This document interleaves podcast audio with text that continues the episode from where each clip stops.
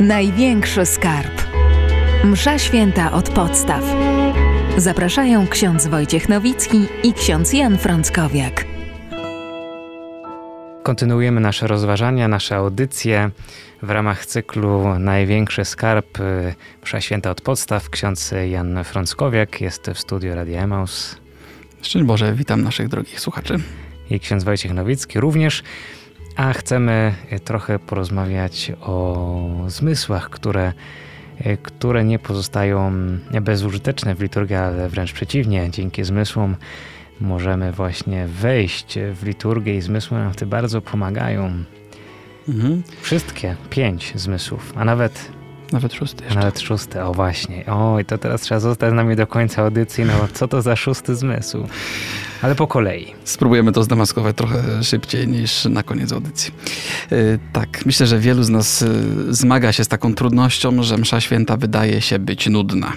Że często idziemy na mszę świętą i się nudzimy. Oczywiście, jak jesteśmy tacy dobrze wychowani i troszeczkę już mamy lat życia, to nie dajemy tego poznać po sobie. Natomiast małe dzieci to bardzo ładnie, bo mówią, to jest nudne, to tam nic nie ma ciekawego. Młodzi mm, ludzie dorastający też mówią, no dlaczego ja tam mam iść na tą mszę świętą, przecież tam nic ciekawego nie ma.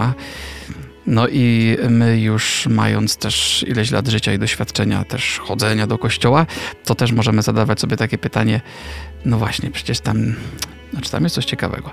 Hmm, oczywiście wiadomo, że w liturgii nie chodzi o to, żeby było ciekawie, ale w sumie to może być arcyciekawie, kiedy zaangażujemy nasze zmysły. Często chyba e, jesteśmy na mszy świętej trochę wynudzeni, dlatego że nie jesteśmy zaangażowani i nie uruchamiamy tych wszystkich kanałów, które mamy, żeby wchłonąć tajemnicę. Więc e, dzisiaj chcieliśmy e, zaprosić wszystkich naszych słuchaczy, aby kiedy będą mogli e, uczestniczyć we mszy świętej, aby zechcieli ożywić właśnie swój udział we mszy świętej poprzez zaktywizowanie wszystkich zmysłów. Jak wiadomo, człowiek ma te pięć zmysłów: wzrok, słuch, dotyk, smak i powonienie.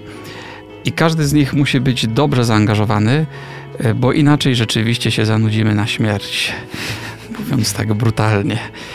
Y, I y, rzeczywiście te wszystkie nasze zmysły, one są bardzo potrzebne. Otóż wzrok, no w czasie mszy świętej dużo zobaczymy. I właściwie tak powiemy, no tak, no ale my przecież wszystko wiemy, co tam jest, no bo widzimy tego księdza i, i tak dalej.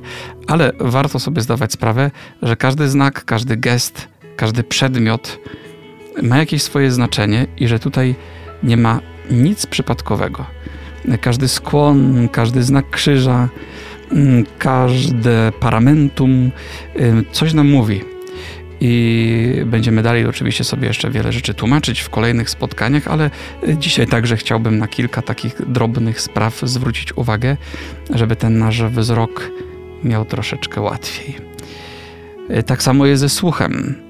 Właściwie w liturgii bardzo wiele dzieje się przez uszy. Y, dlatego że liturgia jest utkana ze słów i ze znaków. Y, Pan Bóg do nas mówi przez słowa, które padają. Właściwie cała msza jest w jakiś sposób mm, skierowana do uszu także, no bo cały czas są jakieś słowa, albo są to słowa y, recytowane, albo są to słowa śpiewane, albo jest milczenie. I milczenie, które też dociera do naszych uszu czasami może docierać na skutek takiej bolesnej ciszy czy jakiegoś milczenia, które może w pewnych chwilach wprawiać nas nawet za kłopotanie.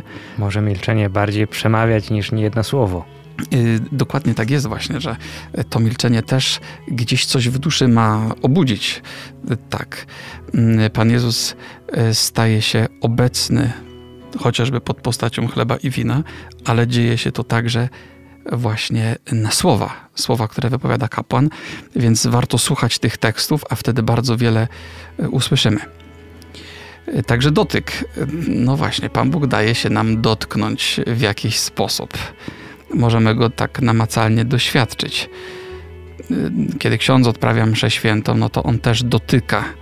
Na przykład całuje ołtarz, dotyka go swoimi ustami, ale też na przykład obejmuje go dwoma rękami czy nie wiem, kiedy przekazujemy znak pokoju, dotykamy drugiej osoby. No, w epidemii trochę może mniej, nie podajemy tej ręki, ale także kiedy przychodzi Pan Jezus w Komunii Świętej, to najbardziej Go możemy dotknąć. Czujemy, kiedy konsekrowany chleb spoczywa na naszym języku. Dotyk też jest w jakiś sposób ważny. Smak trochę się z tym wiąże. Smakujemy chleba, smakujemy wina. No i powonienie, ponieważ docierają do nas różne zapachy. No na przykład zapach kadzidła. On jest też, on jest też ważny. I kiedy dociera do naszego, do naszego nosa i no, ma też coś wzbudzać w naszej duszy, Stąd nawiasem mówiąc dobrze, żeby to kadzidło było wysokiej klasy, a nie tylko jakaś tam trawa wysuszona, która raczej nas może lekko poddusić, zamiast uwznioślić. Sporo zadymy, ale mało y, przyjemnego zapachu. E, to wszystko, czy mówisz, to, y, to my się czujemy właśnie, że to są zmysły, z tymi zmysłami pewne rzeczy odbieramy, mhm. ale nie na tym się kończy, że tylko odbieramy, bo mhm. musi, o, właśnie tak. Właśnie, musi być coś więcej, skoro mówimy tutaj o przestrzeni wiary, to już troszeczkę zdradzam. No właśnie, bo jest jeszcze szósty zmysł, mianowicie to jest zmysł wiary. To znaczy, żeby dobrze przeżywać mszę świętą, to trzeba zaangażować w czasie liturgii właśnie patrzenie na to wszystko, słuchanie, dotykanie, smakowanie i e, czucie zapachów e, właśnie przez wiarę. Kiedy uruchamiamy wiarę, to wtedy się okazuje, że nasze oczy widzą więcej, widzą prawdziwiej, dlatego że nie widzą tylko znaków, ale widzą samego Jezusa, który w tych znakach do nas przychodzi. A przecież Jezus jest o wiele bardziej prawdziwy niż znaki znaki się rozpadną i przeminą, a Jezus trwa. Tak samo, kiedy y, uruchamiamy mm, zmysł wiary, to wtedy nasze uszy słyszą więcej. W słowach, które są wypowiadane w czasie liturgii, słyszymy mówiącego Pana. Czasami tak może być, że ktoś słucha różnych słów w czasie liturgii i jak nie uruchamia zmysłu wiary, no to może Y, albo popodziwiać, albo ponarzekać i tak sobie mówię, ale pięknie ktoś coś powiedział, albo no beznadziejnie, zwłaszcza jeśli chodzi o na przykład kazanie. Tymczasem, kiedy uruchamiamy zmysł wiary, to nagle może się okazać, że niezależnie od tego, czy ta jakość tak po ludzku patrząc jest wysoka czy niska, że Pan Bóg nam coś powiedział i że dociera z jakimś swoim słowem do naszego serca, poruszając nas do głębi. Yy, tak samo z dotykiem kiedy dotykamy właśnie e, tych świętych znaków w Eucharystii, w liturgii i uruchamiamy zmysł wiary, to nagle się okazuje, że my dotykamy tego, czego się nie da dotknąć. Czyli dotykamy wieczności, dotykamy ducha. Nie da się dotknąć ducha, a jednak można, kiedy się uruchomi zmysł wiary. E, tak samo ze smakiem.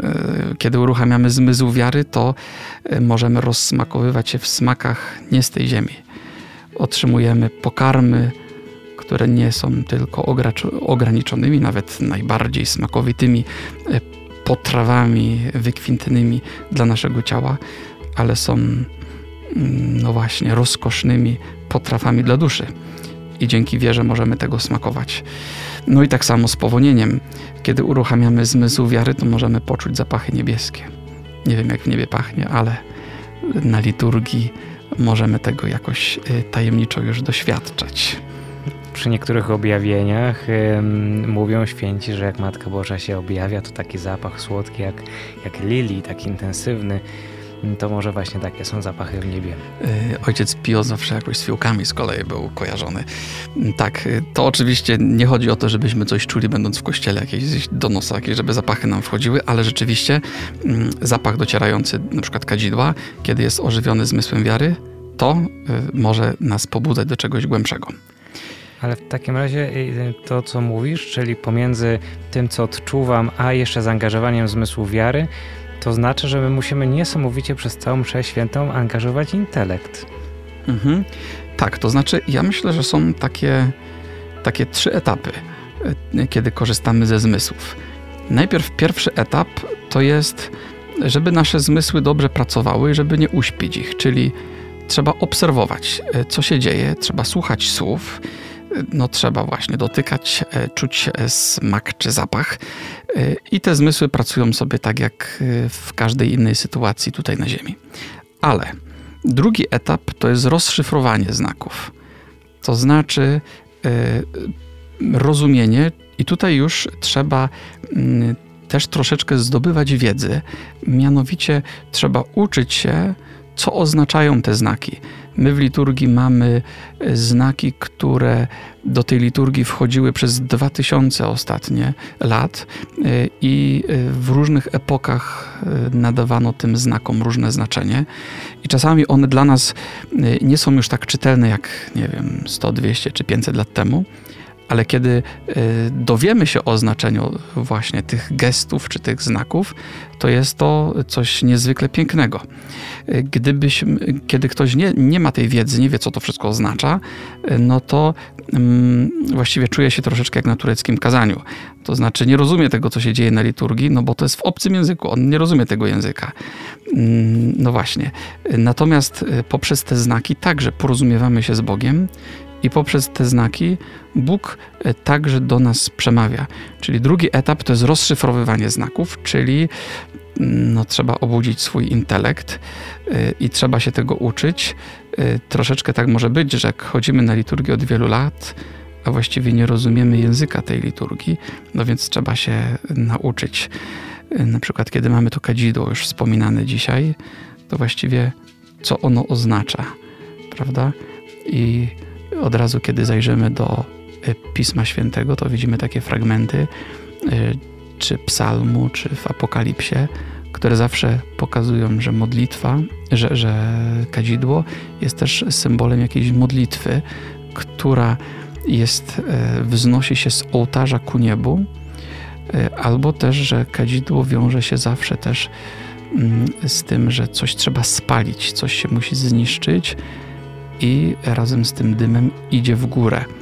I kiedy my w naszej liturgii widzimy kadzidło, no to właśnie nasze oczy mm, obserwują to kadzidło, nasze powonienie czuje zapach, ale kiedy usiłujemy rozszyfrować, to musimy sobie uświadomić, że to kadzidło, które tam przy ołtarzu jest mm, właśnie rozpalone mm, i ono w ogniu gdzieś tam jest topione, ale zamienia się w dym, który idzie do nieba, to to jest obraz naszej modlitwy i także naszej ofiary, także duchowej ofiary, którą na ołtarzu składamy. No i kiedy już to wiemy, co to znaczy, no to jest e, dobry moment na trzeci etap, czyli na takie uruchomienie e, duchowe tego znaczenia. Kiedy ja wiem, że na przykład e, no, postrzegam to kadzidło, wiem, że ono oznacza modlitwę, to mogę w jakiś szczególny duchowy sposób się zaangażować i powiedzieć: Panie, to ja na tym ołtarzu tam kładę samego siebie, a ty mnie przeniknie tak jak ten ogień przenika to kadzidło, które ksiądz właśnie tam wsypuje teraz przy ołtarzu. Te wszystkie moje modlitwy niech mm, zostaną porwane do nieba i ja także niech zostanę porwany do nieba i przemieniony na przepiękny zapach, który będzie radością dla Ciebie i który będzie wzmocnieniem dla tych, którzy mnie po tej mszy spotkają. O, i wtedy właśnie mamy takie rozszyfrowanie znaku i od razu y, zastosowanie go do naszego życia duchowego. Y, I wtedy te nasze znaki y, staną się modlitwą. Także właśnie od razu możemy zobaczyć, że w liturgii te nasze zmysły mają o wiele głębsze znaczenie. Na przykład oko nie jest tylko jakimś narządem optycznym, które służy do postrzegania rzeczywistości, ale ma pewną funkcję y, duchową. Czyli postrzegam coś, rozumiem, co to znaczy, i to się gdzieś w mojej duszy e, przemienia na kontemplowanie obecności Pana Boga, na jakieś akty modlitwy w moim sercu. Tak samo e, uszy, one nie służą tylko, żeby dźwięki docierały do mojego serca, czy do, do mojej duszy w ogóle, ale chodzi także o to, żeby mm, to słowo mm, dotarło bardzo głęboko, żeby przeniknęło mnie i żeby wywołało jakąś odpowiedź. Mm, tak. W ogóle sakramenty, cała liturgia, one są tak zbudowane, że e, jakby przez ciało Bóg przemawia do nas i to ciało potrzebne jest. I, i tak samo te nasze wszystkie zmysły, mm, one też przez ciało e, pewne rzeczy dochodzą do duszy, a równocześnie dusza w jakiś sposób odpowiada e, Panu Bogu. Dlatego ważne jest, żeby te znaki, które mamy w liturgii, one były autentyczne żeby mm, były tym, co powin, czym powinny być, aby oznaczały rzeczywiście te sprawy, które są wyrażane. No na przykład taka sztandarowa sprawa świec na ołtarzu. Mm, świece mają także bardzo głębokie znaczenie, bo świeca się spala i jest tej świecy coraz mniej, a równocześnie ona daje światło i daje ciepło. No i y, kiedy człowiek patrzy na, na tę świecę i widzi, że jest jej coraz mniej, że ten wosk spływa, że ta świeca się spala, to kiedy to rozszyfrowuje ten znak, to jest zaproszony też do tego, żeby chcieć być jak taka świeca, żeby spalać się coraz bardziej. No i teraz, kiedy my mamy na przykład w kościele y, ze względów praktycznych zamiast świecy takiej woskowej mamy taką rurę PCV, y, gdzie tej świecy nie widać tam tak naprawdę, no to my oczywiście jesteśmy w stanie sobie wyobrazić, no, że ta świeca tam przy tym ołtarzu, ta plastikowa rurka, ona oznacza taką świecę, co się spala, ale nasze oczy tego nie widzą, że się spala.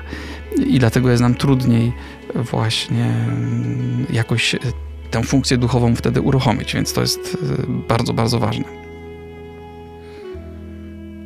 Myślę też, że y, przy każdym takim znaku, przy każdym geście, który widzimy, obserwujemy, słyszymy, warto postawić sobie też kilka pytań.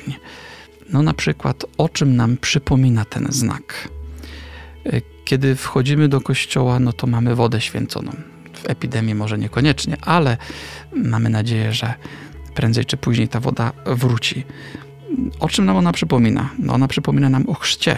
I proszę zobaczyć, że taki krótki gest, który wykonujemy zaraz przy wejściu do świątyni. Gest, który trwa dwie sekundy, trzy i nawet na niego nie zwracamy większej uwagi, od razu angażuje przynajmniej dwa zmysły, czyli mm, oczy widzą tę, wodę y, i y, dotyk. Czujemy tę wodę.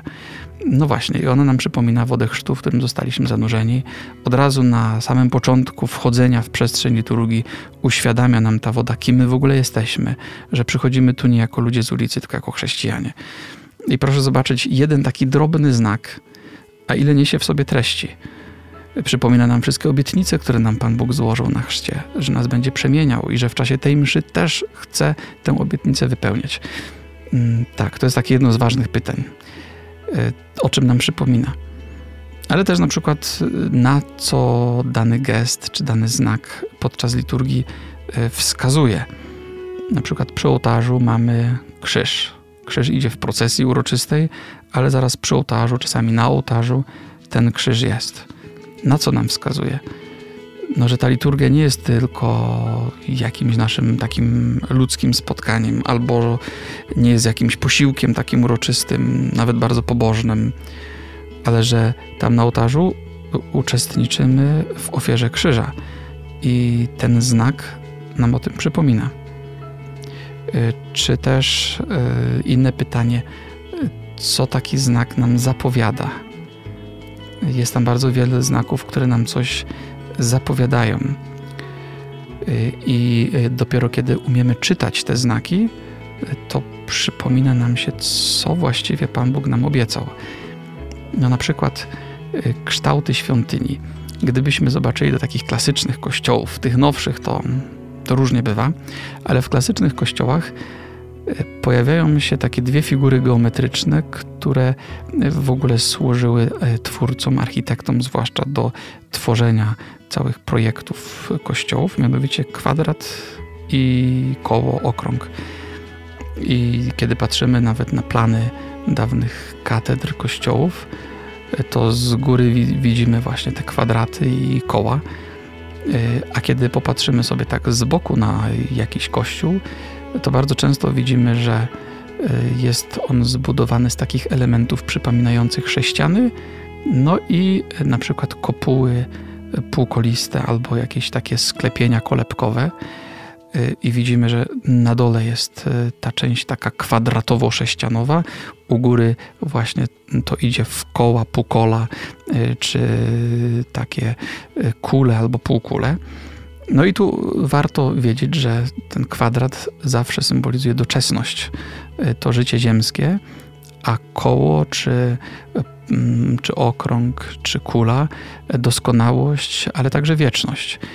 No i kiedy widzimy taki kościół zbudowany w ten sposób, że na dole są te sześciany i kwadraty, a im wyżej tam są właśnie koła, czy półkola, czy, czy, czy właśnie takie kopuły okrągłe, to to też jest pewien język, którym świątynia do nas przemawia, że my jesteśmy tu w doczesności, ale y, kiedy jesteśmy w świątyni i uczestniczymy w liturgii, to ona nas zaprasza już do wieczności.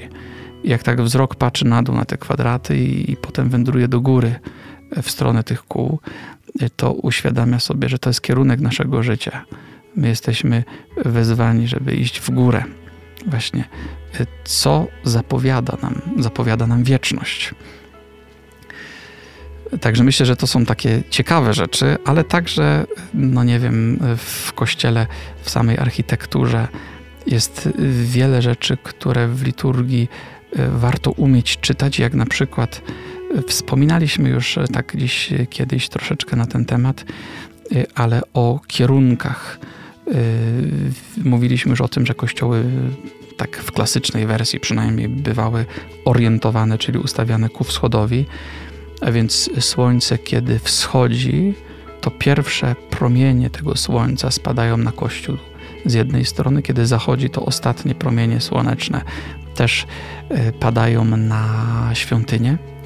E, I to nasze życie e, jest ukierunkowane ku Chrystusowi, który jest jak wschodzące słońce.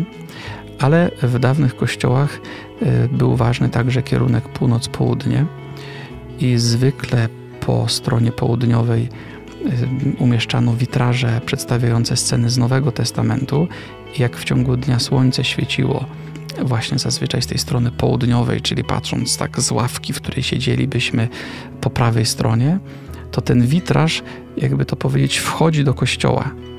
Mm, to światło go wprowadza do wnętrza i wtedy y, od razu widzimy, że te tajemnice Nowego Testamentu, zwłaszcza męka śmierci i zmartwychwstanie, one w tym kościele w czasie liturgii e, są sprawowane i są obecne. Natomiast po lewej stronie, od strony północnej, często przedstawiano sceny ze Starego Testamentu, e, które, ponieważ są na północy, zawsze są w jakiś sposób pewnym tłem. No właśnie, ale to jest też taki, takie ważne tło, z którego wyrastamy i to wszystko, co w liturgii się dzieje, Mm, gdzieś jest tam obecne. Muszę powiedzieć, że mnie dwie rzeczy ujmują w sumie z tego, co e, powiedziałeś.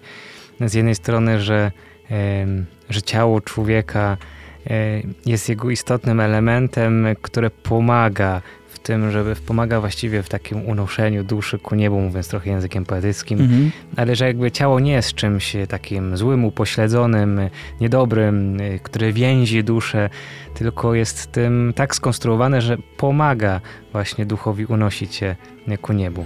I dlatego na przykład w czasie pogrzebu ciało jest okazane. Dlatego, że dusza przez to ciało ma dostęp do Bożych tajemnic, do sakramentów Chrystusa na duszę właśnie przez ciało spłynęła woda chrztu, olej bierzmowania, olej namaszczenia chorych. E, do duszy Chrystus w Komunii Świętej przychodzi przez to, że ciało jest w stanie przyjąć e, konsekrowany chleb. No i to ciało też jest zaproszone do chwały zmartwychwstania. E, czyli widzimy, że no właśnie ta godność ciała jako pewnego też kanału, przez który Bóg przychodzi, jest wyrażona nawet właśnie w ostatnich chwilach istnienia tego ciała.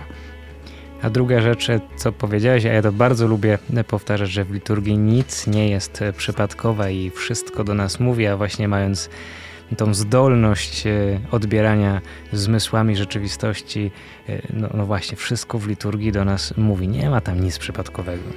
Nie ma, natomiast czy o może inaczej, nie powinno być nic przypadkowego, chociaż czasami okazuje się, że jest troszeczkę przypadkowych rzeczy i wydaje mi się, że to jest ważne zadanie dla wspólnoty na przykład parafialnej przygotowującej liturgię, żeby takie przypadkowości wyeliminować.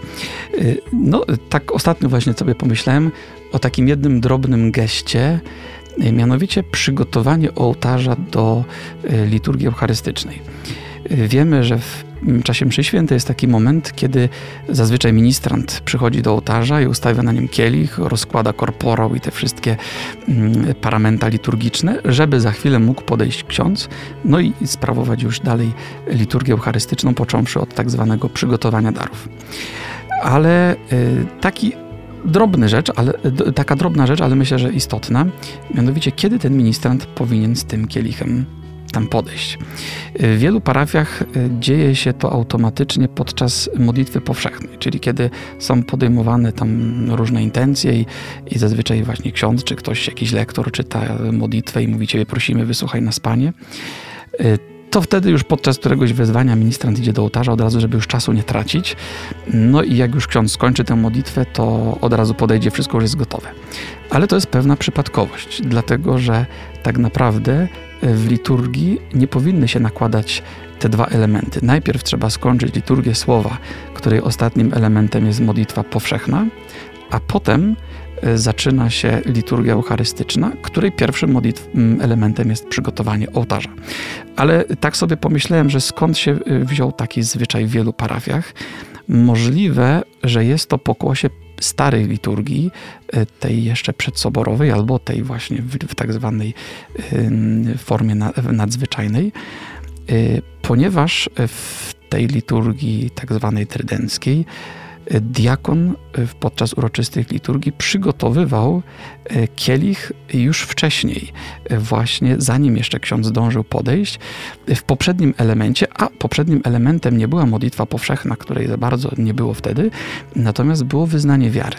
Jednak to, co diakon robił, nie było przypadkowe, że on tak poszedł już szybciej, żeby już było zrobione, tylko on szedł w bardzo precyzyjnym momencie. Mianowicie diakon podchodził do ołtarza w momencie, kiedy w wyznaniu wiary wspólnota wyznawała wiarę w mękę, śmierć i zmartwychwstanie Chrystusa. Po drodze jeszcze pogrzebanie jego ciała.